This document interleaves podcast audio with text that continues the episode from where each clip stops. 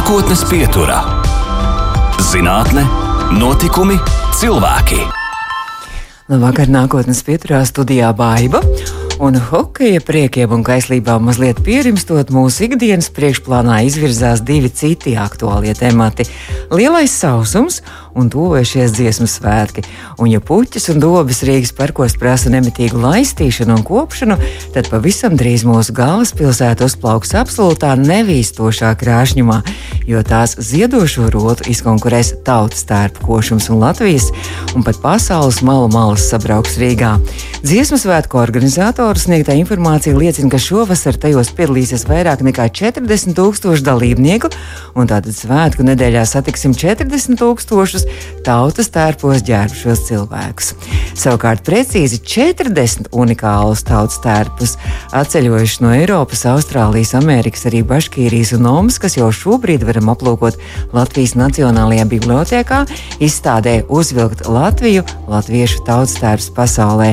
Tā stāsta par tautas tērpu kā spilgtu latvietības piedarības zīmi, un eksponātu vidū ir bēgļu gaitās līdz paņemti, trimdā pašu darināti un no paudzes paudzēm mantojumā nodota tautas tērpi. Nākotnes pieturā viesojas viena no izstādes veidotāju komandas Latvijas Kultūras Akadēmijas Kultūras un Mākslu institūta pētniece, tradicionālās kultūras un nemateriālā kultūras mantojuma dokumentētāja mākslas zinātņu doktora Ieva Vitola. Ieva, labvakar!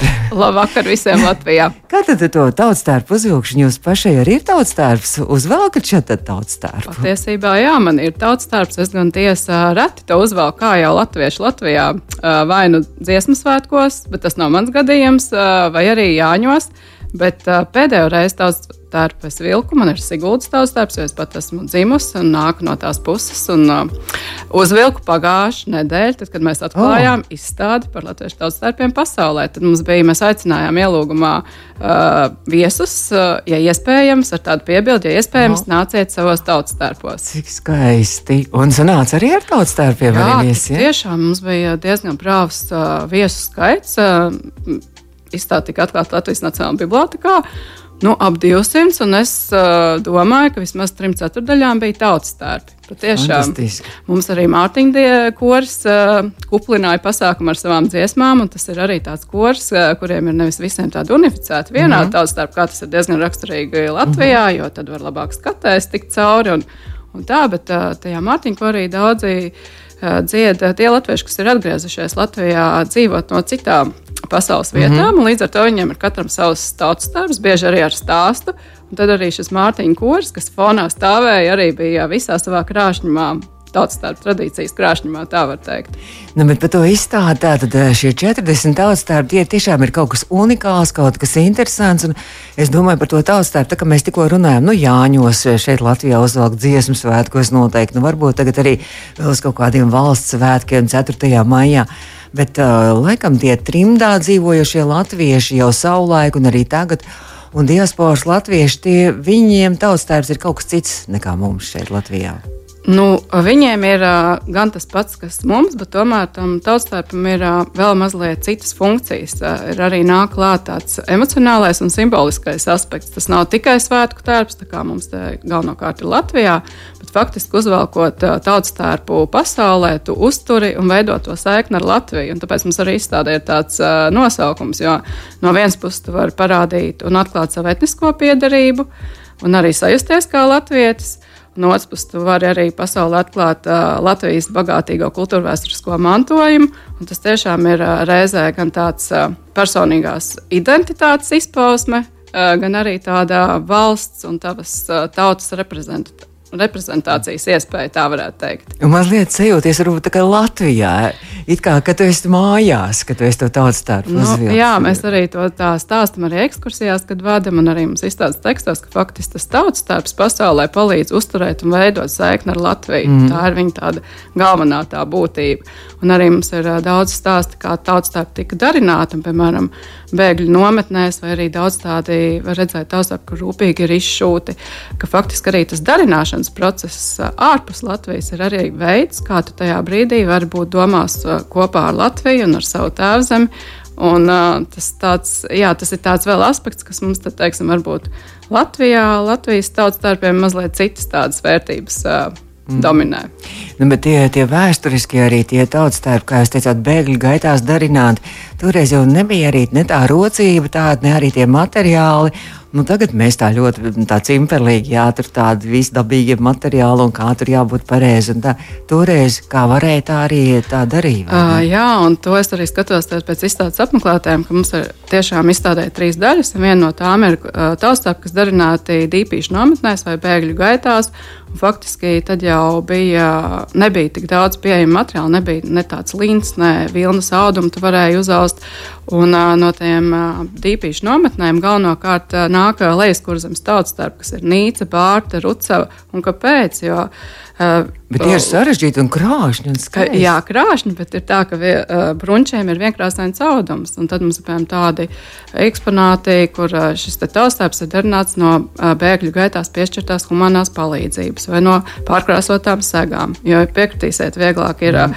melnu uh, segu pārkrāsot, segu pārkrāsot melnā krāsā un pēc tam sagatavot uh, uh, bārta stērpu vai atkal sārtā krāsā, mm. tad būs nīcas bruncis. Tad arī, piemēram, ir uh, krekli šūti no no palagaudumiem, jo nebija pieejams cits materiāls, vai, piemēram, no izpletņa auduma. Tad mums ir arī viens tāds mazs maz, meitenītes tērps, bārtas tautas tērps, kur viņai tas ņēburiņš ir šūts no nacista sarkanā karoga. Tiešām, es nāciet skatīties, tas ir kaut kas tāds pilnīgi tie stāsti. Iedot uh, pilnīgi tādu citu dimensiju tam, tam tautas tērpam, kas tur ir izstādīts, kas pats par sevi ir krāšņs. Mēs viņu atpazīstam, mm -hmm. bet tieši ar to stāstu uh, tas darbs iegūst uh, un izstādē vēl un vairāk. Kā, un kā ar rotām, arī ar saktām, ar kaut kādiem tādiem? Jā, nu mums, piemēram, ir arī brīnišķīgi tāda saktiņa darināta no stikla, un izrādās tā ir tā puse arī uh, dīpīšu nometnē no lidmašīnu aizsargs stikla. Jo tā tur arī bija samērā daudz uh, brīva laika, dibinājās tādi rokdarbu pulciņi, Un tad viens otram nodeva prasmes, zināšanas, un tad, izmantojot tos materiālus, kas bija, tad tapa arī dažādas, jā, gan saktas, gan dažādas rotas. Tad mums ir arī um, no Austrālijas vairāki tērpi, un viens, piemēram, ir tāds, kur uh, ir arī rotu atdarinājumi veidot. Vajadzētu būt pareizi būtu tos no bronzas gatavot, bet bronza tur nebija pieejama. Tad tās, tās visas rotas tika gatavotas no kapara, piemēram, izmantojot akumu, mašīnu akumulatoros mm. pieejamos vai mm, boileros kapara detaļas. Un, cikot, arī, Abrīnojami ir tas radošums, mm -hmm. kā, kā, tieši, kā tu vari, jā, tieši tā, kā tu vari izmantot uh, gandrīz jebko, lai sasniegtu savu mērķi. Sidnejā, uh, Sidnē, uh, Adelaidē ir arī, uh, arī savs tautas tērpu muzejs. Arī esot, es esmu dzirdējis, man ir stāstījuši.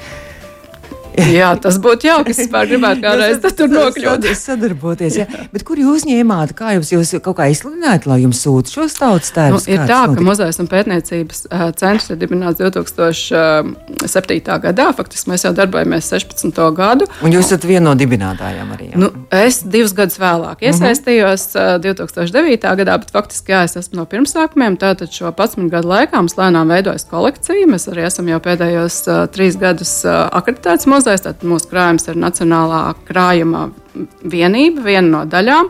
Un tātad šeit latviešu tautas tērpi arī atbilst mūsu muzeja misijai stāstīt un vēstīt par uh, izceļotājiem no Latvijas un viņu kultūru un identitāti. Un tā pamazām šī tautas tērpa kolekcija veidojās. Un, uh, Šogad ir brīnišķīgs jubilejas gads dziesmu mhm. svētkiem, mm -hmm. un mēs lēmām, ka tad, ja ne tagad, jo tēma ārkārtīgi atbilstoša, ņemot arī vērā, ka daudz kur pasaulē notiek latviešu tautas tērpi. Mēs arī pagājušajā gadā, starp citu, bijām Amerikā, bija Amerikas latviešu dziesmu svētku, kur mēs arī izmantojam šo iespēju un braucām, dokumentējām stāstus par mūsdienu tautas starpiem, kā latvieši jūtas tautas mhm. starpā Ziemeļamerikā un latviešu dziesmu svētkos San Paulas pilsētā notiktie svētki. Un, Un tā tradīcija jau arī tiešām arī ārpus Latvijas ļoti jā. Jā, turpinās. Man arī ir bijis vēl sazvans arī latviešiem pasaulē radījumā, arī, piemēram, zinu, ka Briselē Tur, tur, e, tur, tur regulāri gaidot dziesmu svētkus, notika visu gadu. Tur notiek meistarkalas, un šo arī meitenes un sievas šo arī savus mācās bruņšus un krēklus. Un starp citu, mums uz simtgadus, uz Latvijas simtgadī, atcerieties, tad bija tā akcija katram savu tautas mm -hmm. bet faktiski tās saknes tam visam aug jau trimdas uh, latviešos, kas arī tas, uh, dodoties jau prom bēgļu, jo tās jau bēgļu nometēs bija nepieciešamība pēc šī tautas tērpa, jo bija jau dziesmu svētki, dažādi latviešu sarīkojumi. Un tas bija tāds svētku tērps un arī reizē identitātes apliecinājums. Tas katram savu tautas tērpu, tas ir pilnīgi pašsaprotama lieta latvietim ārpus Latvijas. Nu jā, bet um, tagad arī ļoti daudz arī sabrauks uz dziesmu svētkiem. Būs arī jums kaut kāda tikšanās, varbūt ar, arī ar, ar diasporas latviešiem, jā, kas nāks mums, un stāstīs savus stāstus. Dziesmu svētku nedēļa ir tāda bagātīga programma sagatavota.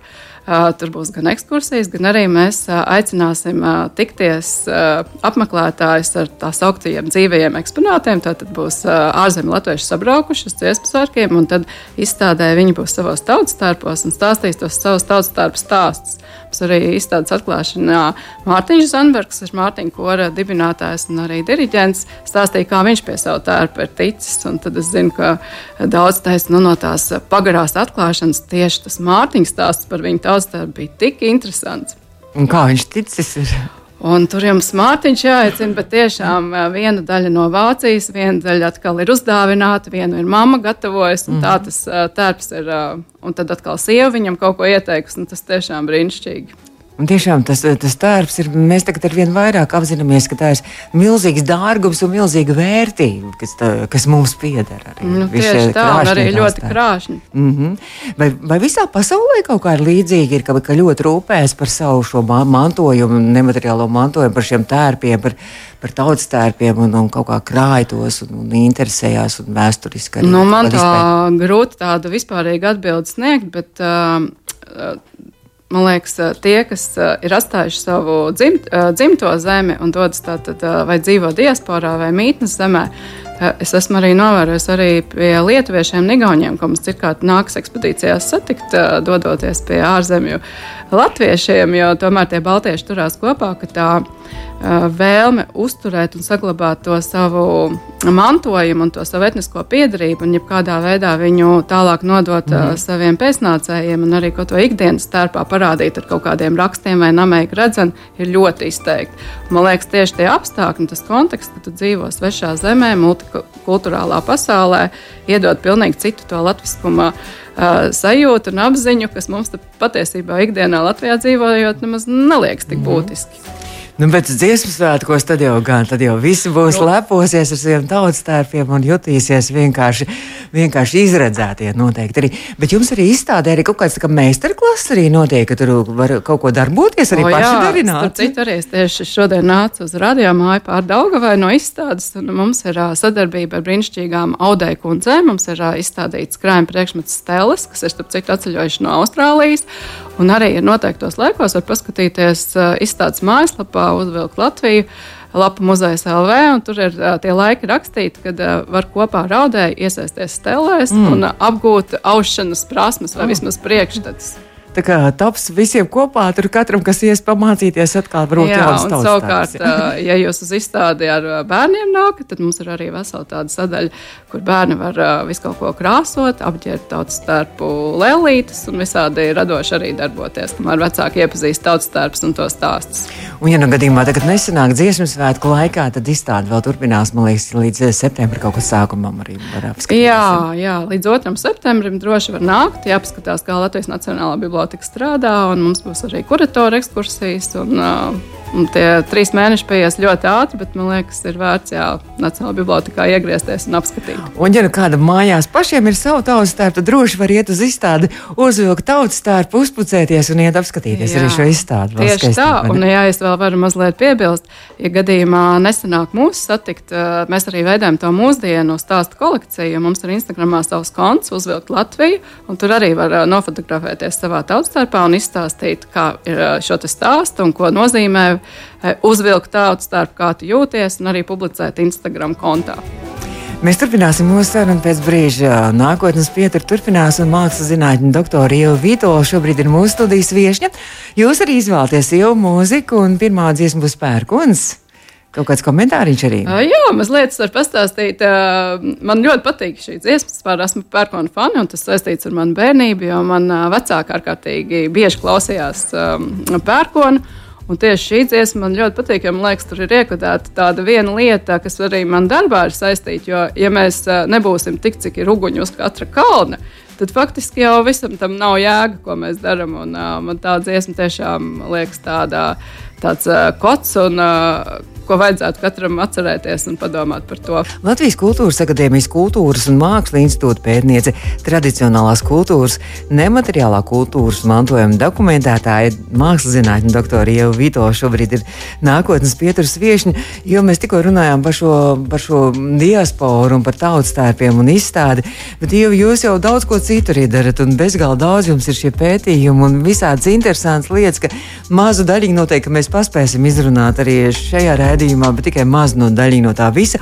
Un, uh, es saprotu, ka šobrīd tieši šis ir tas brīdis, kad noslēdzās viens ļoti liels starptautisks pētījums, kur ir bijušas uh, vairākas valstis iesaistītas uh, - Nīderlande, apvienotā karaliste, laikam arī Igaunija, kur jūs pētījāt šīs, šīs mazās tautiņas arī katras valsts ietvaros. Uh, jā, tas tiesā maijā projekts noslēdzās, bet vēl mazliet viņam tāda inerce līdz augusta beigām, bet tas bija tāds starptautisks projekts. Faktiski es tiku uzaicināta kā viespētniece Latvijas Universitātes Lībiešu institūtā, un Lībiešu institūts bija viens no sadarbības partneriem.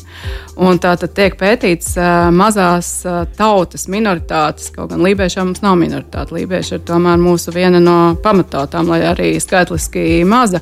Un tad bija frīze, un tad bija konvolieši. Tad uh, mēs divus pusgadus uh, kas, kas, kas? kornvolieši ah. ir uh, apvienotajā ah. karalistē. Ah, tā ir tā mazā tauta. Jā, tāda mazā uh mhm. -huh. tauta, jā, kam kādreiz bija sava valoda, bet tagad arī tā ir izzudusi. Bet, uh, nu, lūk, un tad mūsu uzdevums bija kopā arī ar kolēģiem no Tartu Universitātes apzināt uh, lībisko mantojumu un saprast, cik tas ir redzams ainavā. Tāpēc arī tam projektam tāds nosaukums atgriežot balsi kultūra ainavām. Un tad sanāca, ka faktiski pagājušā vasarā man jau tas ceļš līdz kolkai uz Lībiešu krastu, es jau viņu no galvas zināju, jo mēs bieži braucām uh, lauka darbā, ekspedīcijās, pētījumos, satikt uh, vietējos, arī uh, veikt uh, tās, uh, tā mēs saucam mūsu nozarē etnogrāfisko novērojumu vai mēs, ko mēs redzam no lībiešu mantojuma ainavā. Tas tātad, kā ir zināms, Latvijā kurzemes lībieši ir lībiešu krasts, tātad šeit 14 ciemi no ovišiem līdz, līdz ģipkai, un ir arī vidzemes lībieši, kas ātrāk asimilējās latviešos, bet arī šādas tādas liecības ainavā vēl ir redzams ziemeļrietumu. Ko nozīmē ainavā? Kur, tad kaut kāda īpaša viņa mājas būvē, kaut kā interesanta, vai dārzus iekopot? Nu, mēs tieši pievērsām uzmanību tādām nemateriālā kultūras mantojuma liecībām. Nu, teiksim, ja aizbrauc uz Lībiešu krastu, ko var ieraudzīt no tā lībiskā mantojuma. Nu, tie ir dažādi māju vārdi lībiešu valodā. Ah. Informatīvajos stendos uh, informācija ir gan latviešu, gan angliski, gan arī lībiešu valodā. Un lībiešu valoda jau ir pilnīgi citas cilmes, uh, somugru valoda, līdzīgāka mm -hmm. somu un igauņu valodām. Uh, arī zaļi, balti, zilie karogi, kas plīvo gan pie kolkas pa, pagasta pārvaldes ēkas, gan arī pie daudzām privātu mājām. Tātad, kas veido to vidi, kas mums var pastāstīt un iepazīstināt ar lībiešu mantojumu? Ziemeļvidzemē, kas ir faktiski mūsdienās Limbaģa novads, kas kādreiz bija 11. un 13. gadsimtā šis viens no lībiešu apdzīvotajiem metropoles apgabaliem, kur dzīvoja lībieši. Nu, tur vairāk mēs tajā ainavā, ainavā varbūt arī skaniska, teiksim, kas ir šī izloksne nu, vietējā svētciemā, limbežos, salacgrīvā ainažos. Mm -hmm. Tas faktiski ir tas, kas nāk vēl cauri gadsimtiem no lībiešiem, ko mēs varam pamanīt un, un, un dokumentēt. Nu, bet jūs ne tikai vērojāt, jūs arī satikāt droši vien arī cilvēkus, arī kāds, jūs teicāt, jūs esat pieradusi intervēt, jā, stāstus uzklausījāt. Jā, jā, tieši tā. Nu, faktiski mans darbs ir diktafons, un tad mēs dodamies pie cilvēkiem. Mums ir sagatavots tāds uh, interviju jautājumu protokols, kam tu seko līdzi, un tad vadi šo sarunu līdzīgi kā mēs šovakar. Un, Un tad vienkārši par to konkrēto pētniecības tēmu, tiekoties ar cilvēku, mēs viņu mūsu nozarē saucam par teicēju vai informantu, kā nu, kurā projektā vai publikācijā ir nepieciešams. Bet faktiski jā, tad, tā ir tāda saruna, kurā tu dokumentē mutvārdu liecības, stāstus, atmiņas Tāds ir mans darbs. Cik atsaucīgi ir cilvēki, jo es tā iedomājos, ka droši vien tajā kurzemes krastā,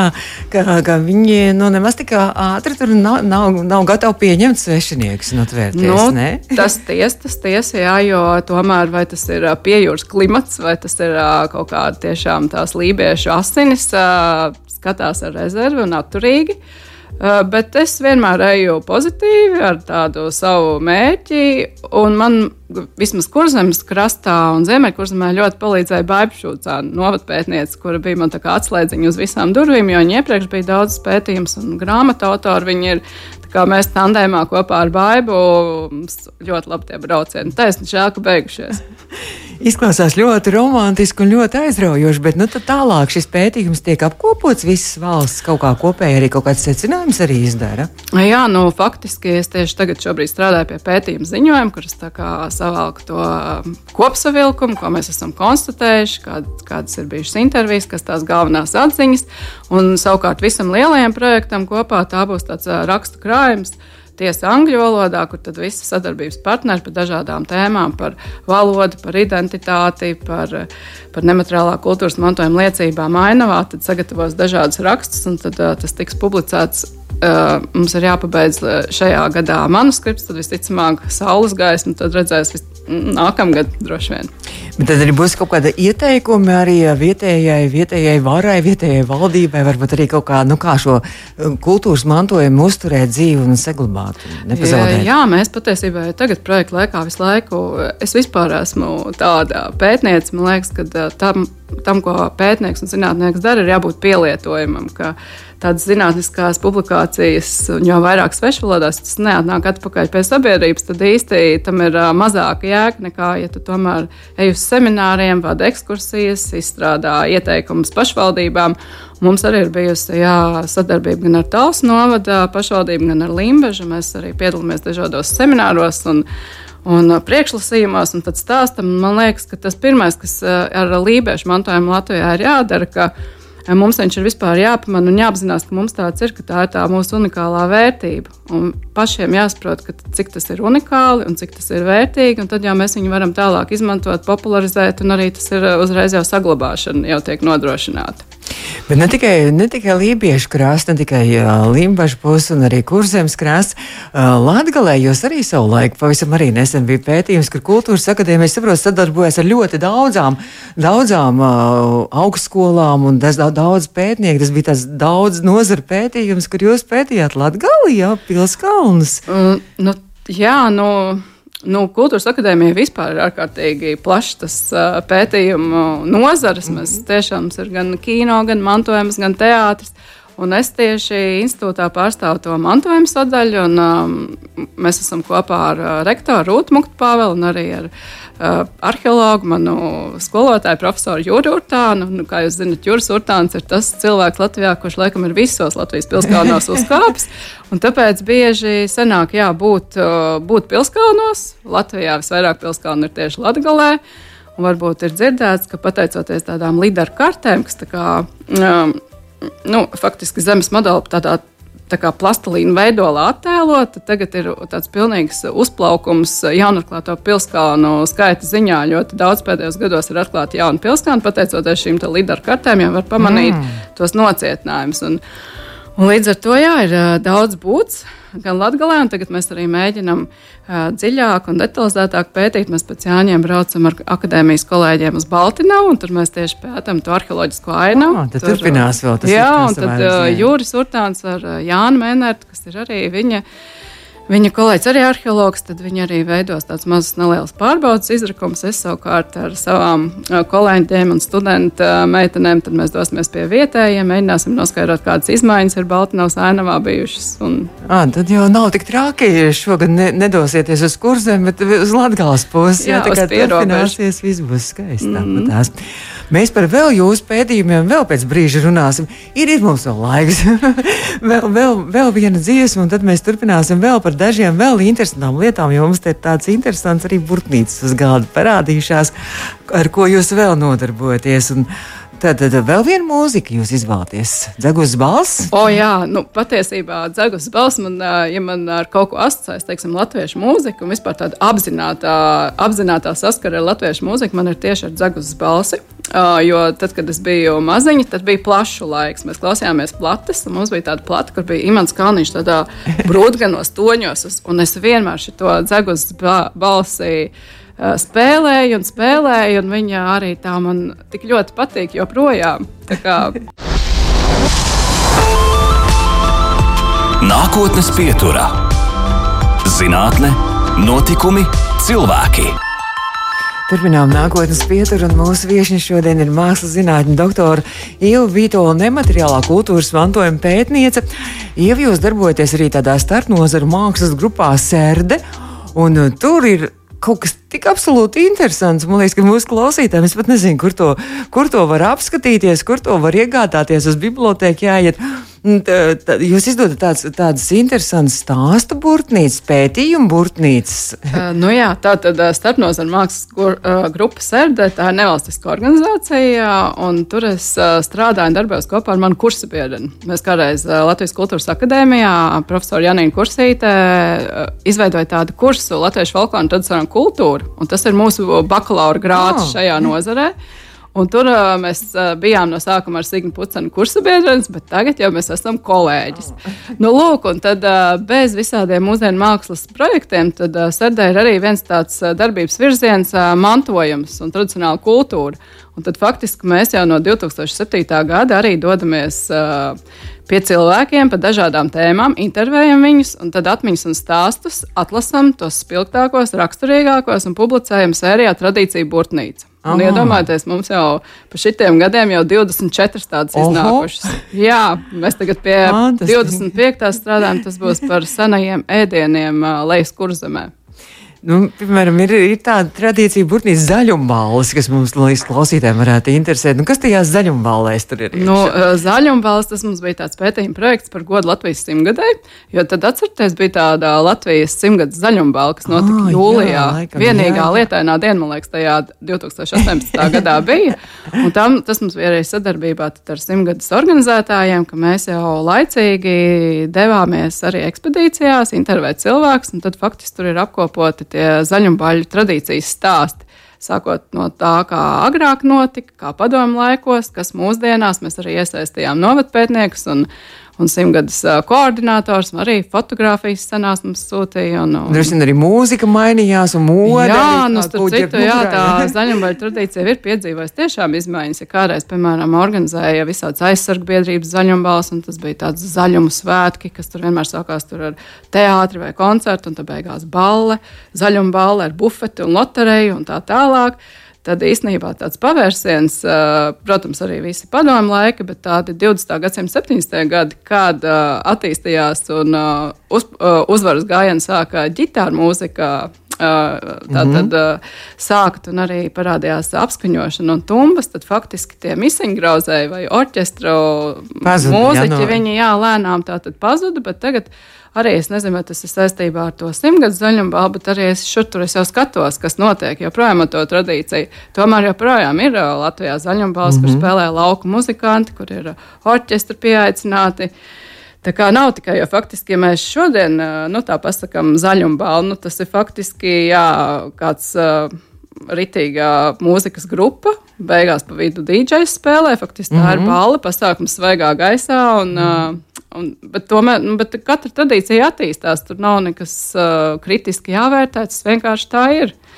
Bet tad vēl tās burtnīcas jums ir, piemēram, gaujas, eh, gaujas plosnieka amata izpētēji arī veltīti. Ir, jā. jā, mēs tad uh, gaujas plosnieks savukārt, uh, ja nemaldos, 2016. gadā laidām klajā, un tā ir tāda, nu, faktiski man visnozīmīgākā tradīcija burtnīca no visām 24, jo man saved ar gaujas plosniekiem. Vecais gaujas plosnieks Mārs Mitrovits vai Mitrais, kas Siguldā dzīvo, viņš kādreiz arī strādājis gaujas. Un es viņu biju intervējusi Burtnīcai par Siguldas gidu stāstiem. Un viņš vienreiz man piezvanīja un saka, man ir viena tāda tēma, ja tev viņa ļoti patiks, un sāka vest mani pie tiem saviem mm -hmm. veciem darba biedriem, un es iepazinos ar strenču gaujas plosniekiem. Mums tagad ir tik apusēja laba sadarbība, viņi jau man ir uzņēmuši savā kopienā, es arī skaitos gaujas plosnieci, bet, bet vārds sakot, es viņiem līdzu ar tādiem pētījumiem, un uh, viņi man vienkārši dzīvē prieks sagādā. Vēl par burtnīcām runājot, tad arī, vai, vai tas arī ietilpst burtnīcā, nu, tajā Siguldas pusē arī ļoti slavens šis eh, Siguldas uh, spieķīši, tie leģendārie. T tas arī ir burtnīcā? Uh, burtnīcā tas nav, bet uh, es tā vai citādi esmu ar Siguldas spieķiem saistīti, jo Siguldas spieķi ir iekļauti Latvijas Nacionālā nemateriālā kultūras mantojuma sarakstā, tāpat tās kā gaujas plosnieki. Un tad, kad vajadzēja gatavot pieteikumu, tad es arī uh, apzinājos pieķu meistarus un uh, palīdzēju viņiem sagatavot. Pašvaldībai to pieteikumu Sigūdas pieķi ir uh, sarakstā. Bet būtnīca, es šaubos, vai tur var sanākt, jo spieķu meistari ļoti maz ir mhm. palikuši. Mm -hmm. Un, Bet vispār vēl Sigūdā tirgu tos spieķus. Jā, jā. tas viss iet vēl joprojām. Jā, man tā. bija bažas, kas notiks pandēmijas laikā, ja tomēr spieķiem ir tādā tāda lieta, ka to tradīcijas lielā mērā uztur pieprasījums. Tad ir jābūt mm -hmm. turistam vai sigūdas viesim, kurš to pērk kā suvenīru, un tad arī amatnieks strādā un savus prasmes saglabā. Un pandēmijas laikā mēs zinām, kāda ceļošana bija, bet tomēr uh, ir viņi izturējuši, izdzīvojuši. Un tagad, ap citu, šodien lasīju ziņu, ka uh, Siguldas uh, dziesmu svētku dalībnieki vairākos simtos tieši gājienā piedalīsies ar Siguldas spieķiem. Oh. Cik skaisti mm. un cik mm. interesanti. Nu, jā, tā ir tā ļoti raksturīgs Sigūdas uh, simbols un Sigūdas lieta. Kādi vēl jums ir tagad tā, tie nākamie projekti, un nākamās burtnīcas, un nākamās idejas, vai vēl kaut kas, kas interesantākais, kas ir nu, bijis? Ja mēs par tradīciju burtnīcām runājam, tad tiešām šīs vasaras darbiņš būtu sagatavot manuskriptu tad tā 25. burtnīcai, kur mēs tad apkoposim stāstus un atmiņas par senajiem ēdieniem, kas lēnām iet ārpus aprites, bet joprojām ir, un tieši uz lejas kurzem koncentrēsimies. Tad jūs atkal tur... brauksiet vēl kādās ekspedīcijās? Nu, nē, ziniet, es jau biju pirms diviem pagājušā gada mm -hmm. un mhm. iepriekšējā gada tie stāsti ir savākti. Viņi vienkārši ir jāatlasa, jāliek kopā, bet tad, teiksim, tur būs stāsts par skāputru, kas joprojām kurzemē īstenībā ir dzīva tradīcija. Cilvēki vāra, neteiksim, ka jaunākā paudzē, bet, uh, bet tāda vidēja un no vecāka gada gājuma cilvēki vasarā bez skāputras nevar iedomāties. Sklandrauši? Arī sklandrauši. Mēs īstenībā sākām ar sklandraušiem, un tad tas sklandraus pavēra, tās tās par sklandraus sākam runāt, o jā, tur bija jā, skāputra, un tad, kas ir vēl gatavots, visādas zaķis pīras, piemēram, tāds ēdiens, kur no rudz miltiem iejauc ūdenī, un tad tādas izkaltē, tā kā tāds vecos laikos, tā kā čipšu funkcija tam ēdienam ir bijusi. nu, tā, es domāju, tā būs arī tāda. Mums jau arī tā doma, tām tradīcija būtnīcām tos stāstus publicēt, dot atpakaļ cilvēkiem. Tas tiek dokumentēts, ja, piemēram, paies kaut kādi gadi, lai pēc tam, teiksim, to skāputru kāds izlasot mm -hmm. būtnīcu, var atjaunot, rekonstruēt, un tā tradīcija turpina dzīvot. Tas ir tāds mūsu klusais sapnis un mērķis. Vai kaut kā cilvēki jums arī, jūs, teic, jūs teicāt, ka jums uh, jau ieteica par šiem gaujas plosniekiem, jums var arī kādas savas idejas jums arī ieteikt? Nu, jūs vispār, jā, patiesībā te, kur es jums arī atnesu to saimniecības stāstu, un arī uh, kolēģis vīrs teica, Klausies, nav neviena tāda lieta, kur ir piefiksēts, kā malku sastrādā ziemai, kā krauj ielās, grēdās, kā žāvē, kurā mēnesī. Un tad nu, saimniecības stāstos ne tikai par malkas sagatavošanu ziemē, bet arī, teiksim, kā sienu krauju gubās, jo tad jau mēs tikai ruļļus redzam ainavā. Mm -hmm. Mums jau vairs nav mm -hmm. siena gubas, tikai varbūt kādām turismu sniedzējiem tagad kaut kas tik ekskluzīvs ir.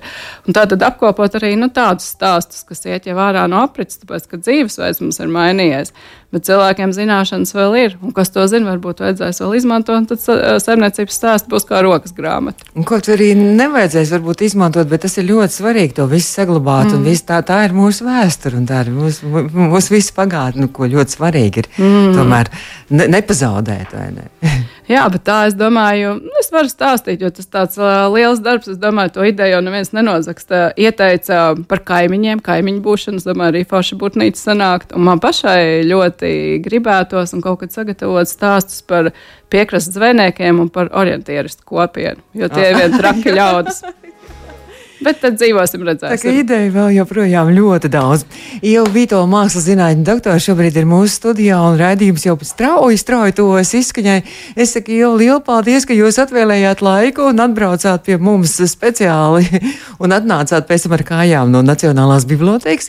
Raidījuma izskaņā vēl viena dziesma, ko jūs teicāt, ka tā ir arī ļoti īpaša. Jā, jā es izvēlējos, jo es vispār esmu Rahūza fani. Ja viņi kaut kur mums apkārtnē spēlē, es vienmēr braucu un, un, un un mēs klausāmies un dancojam līdzi un tā, bet ķēvīt man švilpstīt, man saistās tieši ar manu pasniedzēju skolotāju arheologu Juri Urtānu, jo tad, kad Mēs sākām kopā sadarboties vēl studiju laikā, un pēc tam, tad, ja sanāk kādos izrakumos vai ekspedīcijās uzdziedāt, tad vienmēr šī dziesma ir repertuārā, jo tā Jurim patīk, un viņa tēvam ir patikusi, un man ar viņu liekas tāda vitāla un dzīve apliecinoša. Tā kā šovasar noteikti Baltiņā daudzreiz šī dziesma skanēs, vai ne?